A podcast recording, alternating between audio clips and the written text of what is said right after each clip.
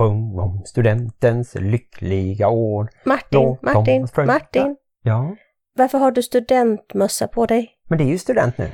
Ja, fast det är inte du som ska ta studenten. Det är Mm, ja, ganska många år sedan du gjorde det. Ja, ja så 33 kanske? Ja, precis. Ta av dig studentmössa, vi ska fira saga nu. Vadå? Don't tell me that your life is dull and grey. My only answer is hey, hey, hey, hey. Let's go crazy in the wild, and if by chance we make a child, that just means that we're alive and healthy. Hej och välkomna till avsnitt 211 av Bonuspappan och Plus mamman, en podd om livet i en bonusfamilj med tyngdpunkt på föräldraskap och relationer. vi sänder i samarbete med Hallands Nyheter, dagstidningen i Varberg och Falkenberg med omnejd. Och en känd reporter från den tidningen är just nu väldigt förvirrad på grund av att han inte har det framför sig som han säger varje gång i 211 avsnitt. Ja, ungefär. Det är inte så lätt som man tror om man nu ska ha exakt samma ordföljd. Det måste man ju inte ha i och för sig. Men eh, det har ju blivit lite av en tradition att vi börjar på det sättet. Ja, tradition är ju också att det nu är sommarlov och har varit massa avslutningar. Men avslutningarna är ju inte riktigt som de var förr. Men vi kan väl komma till det i våran Hänt i veckan. Ja, absolut. Först kan vi ju säga att eh, vi fortfarande firar fyra år med podden. För jag såg att det egentligen var den tolfte som första avsnittet kom ut. Eller om vi till och med gav ut två avsnitt på en gång då. Och jag tror att jag brukar säga att podden föddes den sjunde, du brukar säga den åttonde. Så det är ju någonstans i de här svängarna helt enkelt. Ja, det beror lite på eh, när vi bestämde oss eller när vi spelade in första avsnittet. Men fyra år är det i alla fall. Herregud. Det är ju, tänk, vi brukar ju säga att podden är som vår lilla bebis. Så vår lilla bebis är nu fyra år gammal. Och eh, om vi ska gå in lite på Hänt i veckan men säga det som inte har hänt i veckan är ju att vi faktiskt inte har fått våran lilla corgi-valp Parker. Han har fastnat i kågröd kanske man kan säga. Ja, alltså jag trodde att du skulle säga att vi hade faktiskt träffat en bebis den här veckan. Vi träffade ju lille Matteo som bara var 16 dagar gammal och jag fick hålla och det var väldigt mysigt. Jag blev lite så här bebissugen men jag får väl vänta på barnbarn antar jag. Ja just det, det var på studentfesten. Vi kan ju gå in på den och så kan vi spara valpen till nästa avsnitt. Mm. Och studenten firades med glam och ståt och det var ju våran äldsta dotter Saga som är min biologiska dotter, din bonusdotter. Och hon tog studenten i fredags. Och det var ju en sån här liten rolig sak för det får ju bara vara två föräldrar nu för tiden när man springer ut i och med corona. Men Saga tyckte ju att hon hade två pappor och ville ha båda sina pappor, alltså du och hennes biologiska pappa med sig. Så det var så. Det blev tre föräldrar som stod där ute och viftade med skyltar och annat. Det var bara det att en av oss inte hade det lila armbandet som man skulle ha. Jag eh, trodde nog att det skulle vara avspärrat och att de skulle kolla det. Men eh, jag kom ju ända fram. Ja, annars så tycker jag att vi hade fått protestera. Det måste bli slut med sådana där saker att man tror att ett barn bara har två föräldrar. Det är ju inte bara bonusfamiljer som är påverkade då, det finns ju de som väljer att skaffa barn tillsammans i till exempel enkönade par. Och då kan det vara att de har fyra föräldrar. Ja, just det. Så är det faktiskt. Och apropå det, om vi tar en liten avstickare från studentfesten så har jag ju idag varit och badat med Helle och hennes kompis och kompisens stora syster och hennes kompis. Så det var fyra stycken 11, 12, 13-åringar sammanlagt. Och eh, då visste ju inte alla att jag är Helles bonuspappa. Och då ropade de ju Helles pappa när jag var en bit ifrån. De hade väl glömt av att jag hette Martin då. Och då vid något tillfälle så sa Helle att ah, jag har ju två pappor, så Martin är också min pappa. Så det var ju väldigt eh, mysigt och gulligt. Och just nu så är ni väldigt lika dessutom för ni har båda två bränt er i solen. Du hade sololja med dig men det hamnade tydligen inte på varken barnet eller på dig. Nej, det var väldigt korkat. Eh, Dels så trodde jag nog att jag skulle vara lite skyddad eftersom jag hade långärmad tröja och keps ganska mycket. Men sen blev det ju så att jag hoppade i och badade också på simstadion här i Varberg då. Och eh, sen satt jag väl lite i t-shirt också. Framförallt är det väl nacken och ansiktet och så. Mm. Jag borde ha smort in mig med det jag hade med. Ni har i alla fall båda två samma hudfärg just nu. Men om vi ska veva tillbaka bandet till studentfesten som jag för övrigt hade väldigt så här ångest inför. Jag kände sån här studentångest som jag kallade det. Men det blir riktigt bra. Men vi pratade ju då om att hon hade två pappor med sig. Sen hade hon ju då ingen annan från sin pappas sida. Men däremot så blev det ju nästan fulltaligt från då min sida men också din sida. Så att det är ju lite så här bonusfamiljsaktigt. Din pappa var där, din bror var där och dina kusiner och deras barn och män var där. Så hon hade ju en specialfarfar och sen så åkte vi och hämtade min mamma och pappa, så mormor och morfar var där, min bror var där, kusiner och sen kom en gammal barnvakt och även en gammal vän som har hängt med sedan väldigt länge. Så att, och våran daghunds matte. Och din och Håkans kusin, en av era 16 kusiner är det väl, kom också med hela sin familj lite som bonus. Ja, så att vi eh, tangerade gränsen för vad man får vara utomhus, men vi var 31 personer och en hund tror jag. Ja, och sen så får vi ju säga att eh, Sagas biologiska pappa är uppvuxen i Tierp, så det är ju där han har sin pappa och bror kvar och så. Och det är väldigt långt att åka. Ja men precis. Och en annan rolig sak var ju faktiskt att, nu ska ni hänga med här, Sagas lilla systers storebror och hans mamma var ju också med på studentfesten. Just det. Det vet ju ni som har lyssnat på podden att Helle har en storebror på sin pappas sida som heter Kevin och eh, han var här med sin mamma Lisa och det Mm. tyckte vi också var trevligt. De ingår ju i våran släkt känns det som. Vi brukar kalla henne för din svägerska och eh, jag tror att Helle konstaterade att hon kunde vara moster. Ja, lite så faktiskt. Din syster ja. Men annars så har det inte varit så jättehändelserikt. Jag har ju grävt vidare i trädgården och lyckades få, jag tror du räknade till 10 myggbett på rumpan. Ja, och de hade svullnat upp ganska mycket. Jag tror det hjälpte lite Kallar att du ta min rumpa uppsvullen? myggbetten. Men eh, du fick lite av min pollenallergimedicin. Jag tror att det dämpade. Jag har hört att det funkar faktiskt. Martin är som en liten spännande farmaceut. Han har alltid så här små piller som han har till olika saker och det är inte alltid som eh, man har hållit bäst före-datumet tror jag. Nej, det finns nog till exempel gammal nässpray tror jag. Men jag köpte ny ganska nyligen också så att senast här för några dagar sedan fick du den som var alldeles ny och oöppnad. Ja, potatisen har däremot inte blivit sådd än. Och som ni hörde innan så har hunden inte kommit än utan den kommer på söndag. Så då får vi väl se om vi lyckas spela in ett poddavsnitt mitt i allt valpande och eh, kissande vad jag har förstått.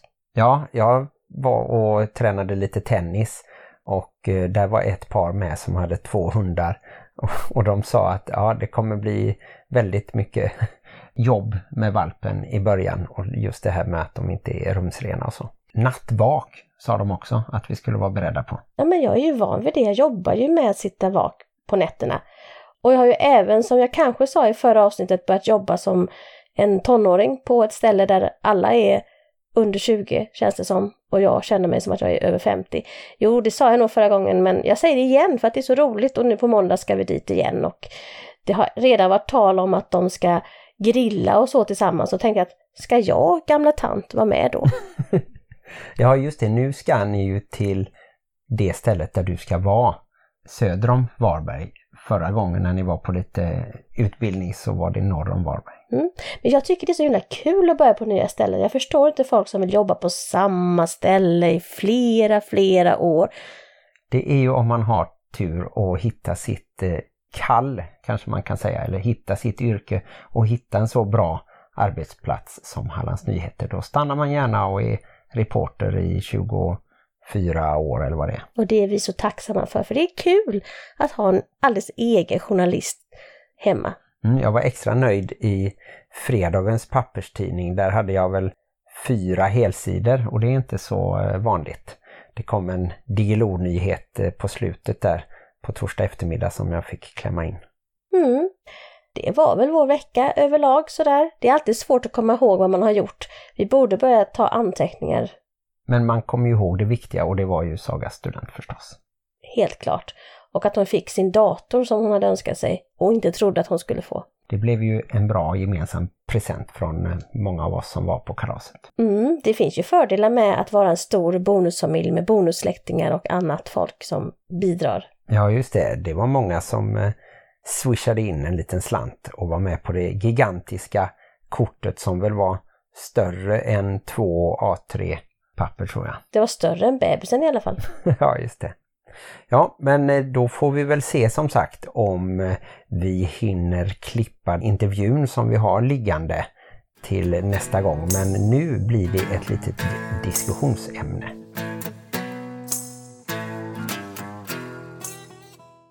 Det är ju fortfarande så efter nästan sex år att jag blir helt lyrisk när folk berättar att de kanske lever i en bonusfamilj eller har funderingar runt det och jag pratar gärna om ämnet. Och ibland kan det vara så att det kommer upp att är det inte väldigt jobbigt att bo i bonusfamilj? Och det är det ju faktiskt ibland. Vi brukar ju sluta med att säga att det är både härligt och besvärligt. Och ibland om det är besvärligt så kan man skriva in till våran grupp som vi har på Facebook, Bonusfamiljernas diskussionsgrupp. Och det är just vad en tjej har gjort. Du kanske kan berätta lite vad hon skrev och så kan vi prata runt det tänkte jag. Ja just det, det var ju en bonusmamma som kände att hon nu i flera år hade donat mycket med eh, sitt bonusbarn och hjälpt till på olika sätt. Nu senast då inför en skolavslutning så hade hon gjort tårta och gjort sådär och nästan aldrig fått eh, något tack eller någon uppskattning utan mest ett jaha. Och så får pappan då nästan tvinga fram ett tack och det kände hon att det var väldigt jobbigt så hon undrade lite hur gruppen såg på det här med om man kan lämna det ansvaret bara till vårdnadshavaren då eller den biologiska föräldern som man lever med. För hon vill ju inte separera eller så. Hon trivs ju bra och de har ett gemensamt barn också då. Men just det här att man ställer upp så mycket och lägger så mycket tid och energi på ett barn som sen då inte visar någon tacksamhet tillbaka. Det kan ju vara ett problem tror jag för många. Mm. Och jag tänker ju helt spontant så här att det finns ju inga korrekta svar eller absoluta sanningar. Men jag funderar ju på det här med att göra saker där man känner att man blir bitter eller tycker att man borde få tacksamhet och sådär. Att man ska inte göra de sakerna. Utan det låter kanske lite uppstyltat men jag tycker ju ändå att man ska försöka göra saker för att man vill göra saker. För man vill visa att man är en familj eller man vill visa att man är en vuxen i den familjen och, och sådär. Och så lära barnen. Barnen är ju inte färdiga än, det säger vi ju alltid. Och tonåringar är ju som de är. De är inte alltid världsuppfostrade, även om man tycker att man har bankat in vissa saker, som att säga tack till exempel. Det kanske man har tjatat om sedan de var pyttesmå. Men eh, de är inte riktigt där än alltid. Vad säger du, som är bonusförälder och gör väldigt mycket för familjen? Jag tror att eh, gruppens mening, de kommentarerna som jag har hunnit läsa, var att eh, känn inget krav att du ska göra det för ditt bonusbarn och absolut lämna över det till pappan. Det är, han får ta hand om sitt då äldsta barn och sen så kan ni dela på det gemensamma barnet. Du menar dela som Salomon som ville dela ett barn på mitten? När ja just det, mammor. så då kan man ta en... Svärd. Frågan är bara om man ska dela det på längden eller bredden, vad som är jobbigast då. Alltså när jag läste den här, eller när jag fick den här historien läst för mig i söndagsskolan så tänkte jag alltid att de delade barnen liksom på längden, vilket jag tyckte var väldigt obehagligt ja, i alla fall så, eh, men jag tänkte samtidigt lite tvärtom. Nu råkar det ju vara så här just med eh, nästan all mat och så sköter ju du. Så där känner ju du ingen avundsjuka att du då servar barnen och mig med mycket mat och så kanske jag gör annat med skjutsar mycket och hjälper dem på andra sätt och så förstås. Men jag tror nog att om man ska vara lite filosofisk eller tänka på till exempel vad Kai Pollak brukar säga och så, att problemet är ju egentligen att hon förväntar sig ett tack och att hon känner besvikelse. Det är ju en känsla då som man kan styra. Känner hon att just det här med att göra tårta kanske inte går att lämna över till hennes sambo då. Han kanske aldrig har gjort någon tårta. Men han kan väl är- köpa en tårta? Det skulle han absolut kunna göra. Men om det är så att han gör mycket annat för deras gemensamma och han har vissa ansvarsområden oavsett hur mycket man jobbar eller sådär så ska man ju ställa upp för familjen också. Och har det blivit så då att det är en naturlig uppdelning för dem. Och sen är det ju inte bara att hon står och gör tårtor förstås, för hon hjälper ju säkert till jättemycket med massa andra saker hemma som hon heller inte får ett tack för. Men jag tror nog att man skulle kunna tänka så här att även deras gemensamma barn, när det barnet är tonåring, kanske inte tackar för allt och kanske tycker att det är självklart att man bara ska sätta sig vid ett dukat bord, få sin lagade mat och sen gå därifrån, kanske ställa undan tallriken lite hjälpligt och kanske skölja av den ibland möjligen. Så hon kanske inte ska förvänta sig det utan hon kanske ska tänka att ja, men detta ingår i bonusfamiljen. Att man är en förälder, då får man inte alltid tack. Och det behöver inte ha att göra med att hon inte är den biologiska mamman eller ursprungsmamman och att hon inte har lärt känna det här barnet på samma sätt eller hon känner inte samma kärlek till barnet eller så. Utgår man från brevskrivaren som känner att hon har ett problem och hon har tröttnat på det så skulle man kunna vara lite djävulens advokat och vända på det och säga att det är ju hennes problem. Det kommer ju inte att ändras. Hennes bonusbarn kommer ju inte plötsligt att börja tacka och bli jätte liksom snäll mot sin bonusmamma kanske. Men det var ju nästan det jag sa fast på helt annat sätt. Jag tänker just det här med att ett biologiskt barn kanske inte heller är tacksamt i alla lägen men det handlar väl också lite om vilken fas man är i livet. Är det bara att hon inte får tacksamhet som hon är irriterad på eller är det liksom hela grejen? Har hon en relation med det här barnet förutom detta? Gör de någonting tillsammans? Förstår de varandra? Pratar de med varandra? Jag tänker att man vill ändå ha en större bild av familjen än bara så här. Ja, och vi kan ju inte sitta och vara några slags domare eller liksom ge massa bra råd utan vi är bara två föräldrar i, i en bonusfamilj som inte är några experter. Nej men så, det så. jag tänkte på är ju att jag är ju då biologisk mamma i vår familj och det finns ju stunder då jag säger att Åh, jag bara gör saker och ingen är tacksam och ingen bryr sig om vad jag gör och tänk om inte jag gjorde detta så hade ni minsann saknat mig. Jag känner ju att det liksom är vanligt på något sätt. Det är så det är att vara förälder, det är lite smått otacksamt ibland. Ja, absolut. Och jag förstår ju reaktionen kanske främst från andra bonusmammor då att tänka att nej men eh, strunta i bonusbarnet, lämna över det till pappan bara. Men jag tror i längden så är det bara att bita ihop liksom och visst man känner sig trött. Jag känner mig trött på barnen eller på situationen eller och, och framförallt så önskar jag att jag hade träffat barnen ännu tidigare för jag tror att det gör skillnad. Jag tror att det gör mer skillnad än biologi till exempel.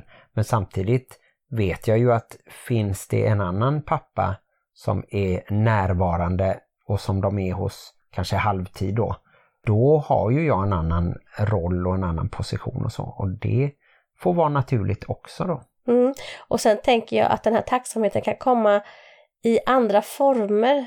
Som nu då när jag har tre lite äldre barn, varav två faktiskt är vuxna, så har jag ju märkt att vissa saker som jag har sagt som jag tror att de inte har hört, det säger de plötsligt. De kanske säger det i ett sammanhang att men mamma brukar alltid säga eller ja men som nu så när vi hade haft den här studentfesten så sa Saga alltså ni är bara så bäst.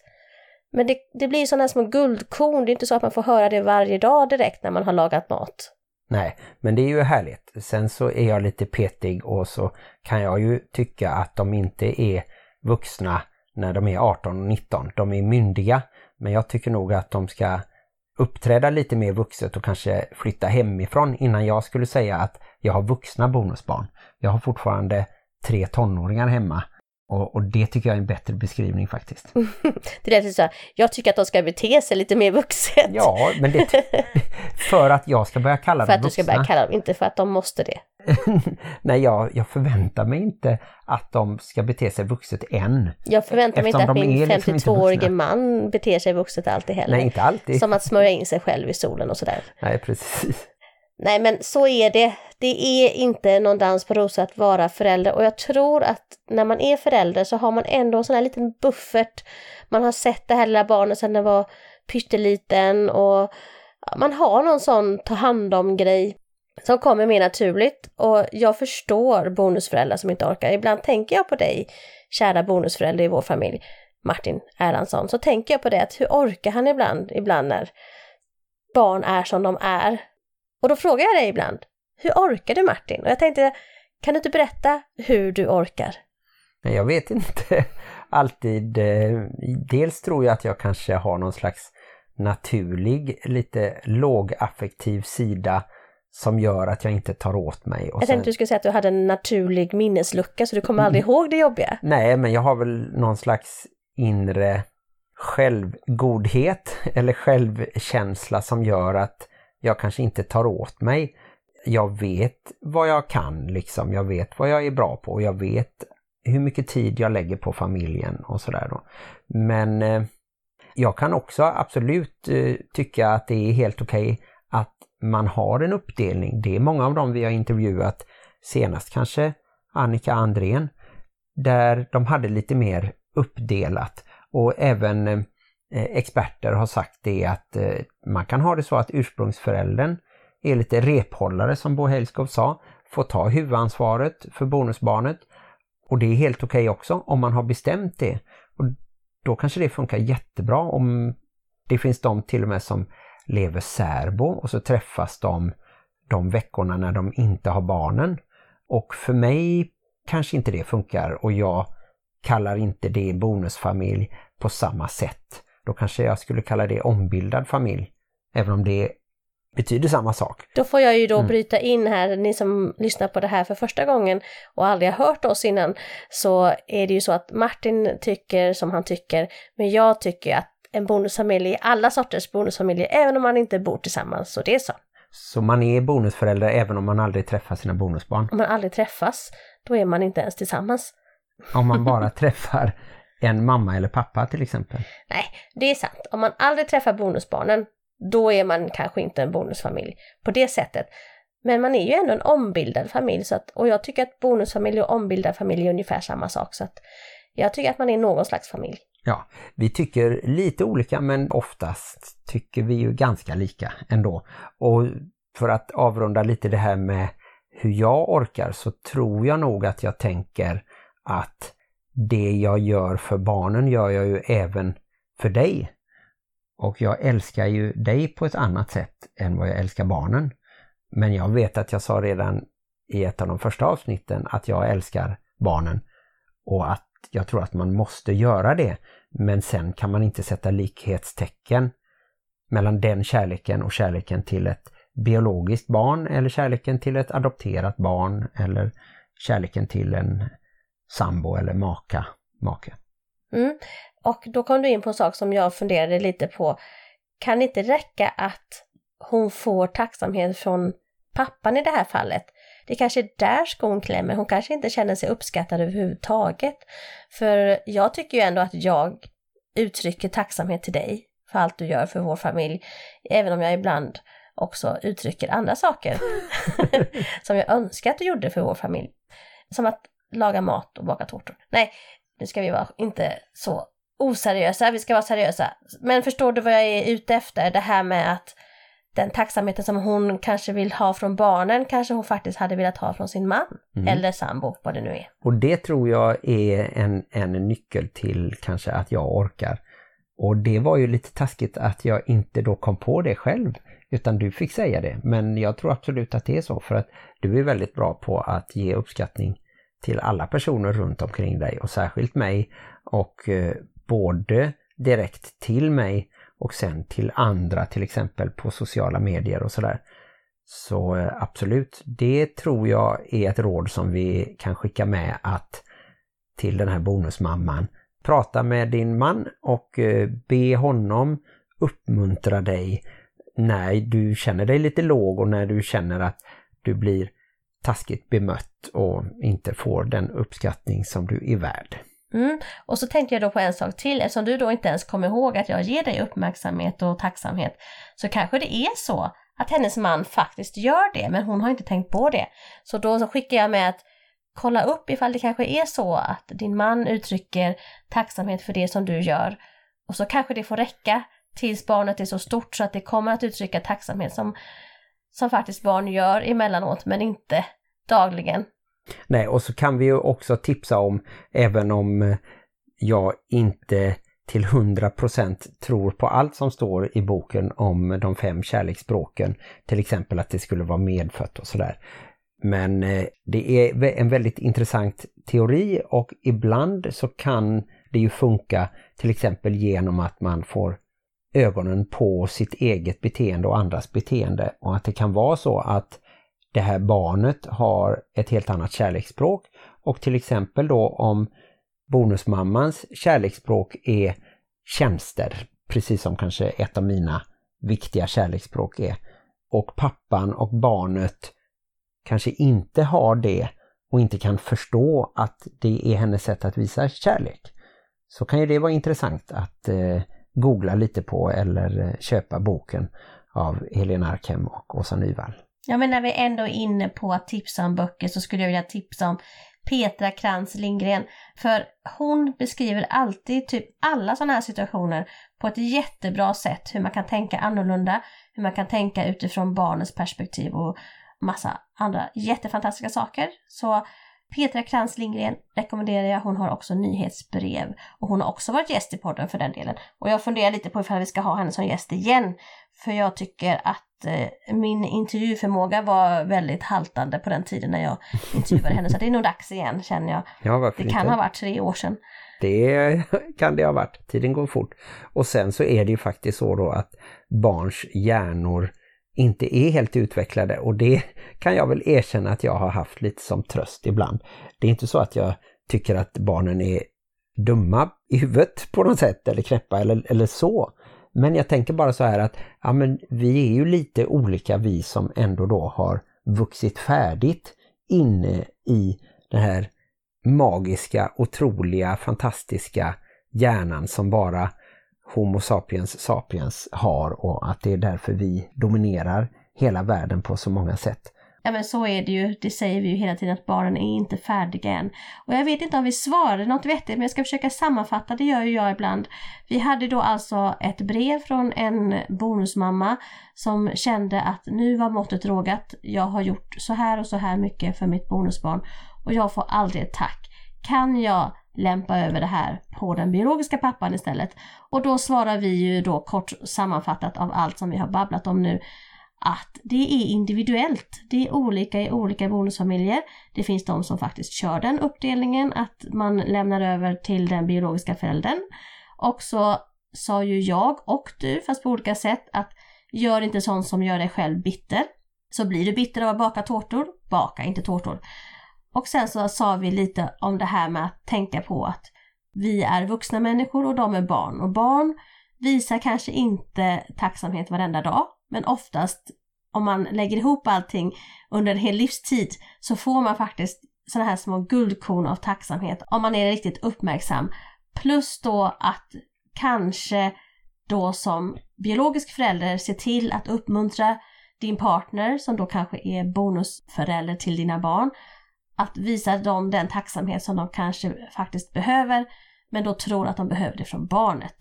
Var det en bra sammanfattning? Ja, alltså är man bonusförälder så är det ju den biologiska eller ursprungsföräldern man ska uppmuntra att ge tacksamhet istället då om barnen inte har lärt sig det tillräckligt. Ja, och sen så kan man ju köra good old fashion eh, uppfostran också, att faktiskt lära barn att det är bra att vara tacksam, att det är roligare att göra saker för någon ifall den visar tacksamhet. Det är ju inte helt osagt. Det kanske vi har glömt att nämna. Ja, och sen så kan man ju faktiskt då göra saker och så bestämma innan att man inte ska bli bitter eller att man inte ska bli besviken om man inte får tack. Tänker man att nu gör jag den här tårtan för att det ska finnas på ett studentfirande och eh, mitt bonusbarn kommer säkert inte att eh, säga tack ens. Men då vet jag det, så gör jag tårtan ändå. Och sen när tårtan är klar, då kan jag göra någonting som jag tycker är roligt och eh, kreativt och eh, härligt. Mm. Och som punkt på det hela så vill vi också säga att vi förstår bonusföräldrar, i alla fall jag. För jag har både varit bonusförälder och nu har jag en bonusförälder i min bonusfamilj som då är du. Och jag förstår att det inte alltid är underbart att vara bonusförälder. Men det är inte alltid en dans på rosor att vara biologisk förälder heller. Nej. Tack så mycket för att eh, du finns och eh, stöttar mig. Och jag hoppas att jag kan bli ännu bättre som eh, bonusförälder. Mm. Och vi har ju tur att det är jag som gör tårtorna i den här familjen. Det är väldigt tur. Den senaste gjorde ju verkligen succé på studentfesten. Jag kom på en sak när det gäller tårtor. Kom du ihåg att du alltid gjorde en tårta på ditt jobb när du fyllde år? Mm, jag vet fortfarande vad den ska innehålla. Och sen så försökte du göra den en gång och så bara protesterade alla mina barn. Kände du då bitterhet? Nej, men eh, jag minns att det var samtidigt som du gjorde bland annat den fantastiska choklad- och banantårtan och min som är då med vaniljsås och eh, drottningsylt och mandariner bland annat och mycket grädde. Den eh, blev väl halva uppäten i alla fall bara då. Där kan jag bli lite sådär att barn vill ju gärna ha det som det alltid har varit. Men det kanske vi kan prata om i ett helt annat avsnitt. Ja, det kan vi göra. Tårtor och andra maträtter. Och nu kom det en liten trudelutt.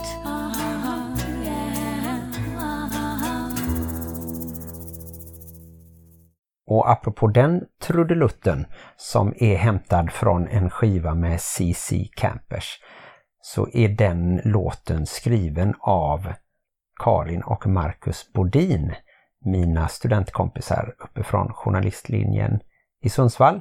Spelades in för 20 år sedan ungefär och vi är alltid tacksamma att vi får använda Texans Are Forever. Och eh, Även våran signaturmelodi Rent to Tent är ju av och med CC Campers där jag spelade trummor. Och ni är ju säkert alla där ute på något sätt berörda av Karin Bodin och det ska jag berätta om varför, om ni då inte kanske är glutenallergiker eller så, utan det är ju för att hon är VD för Polarbröd. Mm. Hon tog över det, om jag minns rätt så var det hennes morfar och hans bröder och deras familjer som började uppe i Älvsbyn för länge sedan. Och sen så ska hon vara sommarpratare i år. 28 juni ska ni lyssna tycker jag. Och vi ska förstås lyssna. Det kommer ju bland annat handla om när hennes syster fick cancer och gick bort. De var ju delägare båda två och hennes syster var väl ekonomichef tror jag när Karin blev VD. Och sen handlar det ju säkert mycket om den här stora branden som var uppe i Älvsbyn när bageriet brann ner och hur de har kunnat klara sig efteråt då. Mm, det får ni lyssna på den 28 juni, sommarprat. Och för mig är det så roligt för jag minns ju Karin och Marcus bland annat från Spexet och eh, ja, det var andra tider och då kunde man inte förvänta sig att eh, Karin skulle bli VD. Men hon är jätteduktig och jättesmart. Och sen är hon också väldigt rolig och hon är en väldigt bra sångerska. När vi träffas någon gång då och då alldeles för sällan så sjunger hon gärna jazz med eh, mina jazzkompisar. Mm. Och kunde man ha förväntat sig att du skulle bli fyrbarnspappa med hund och villa? Nej, inte om man tittar på videon till Rent Tent som finns på Youtube.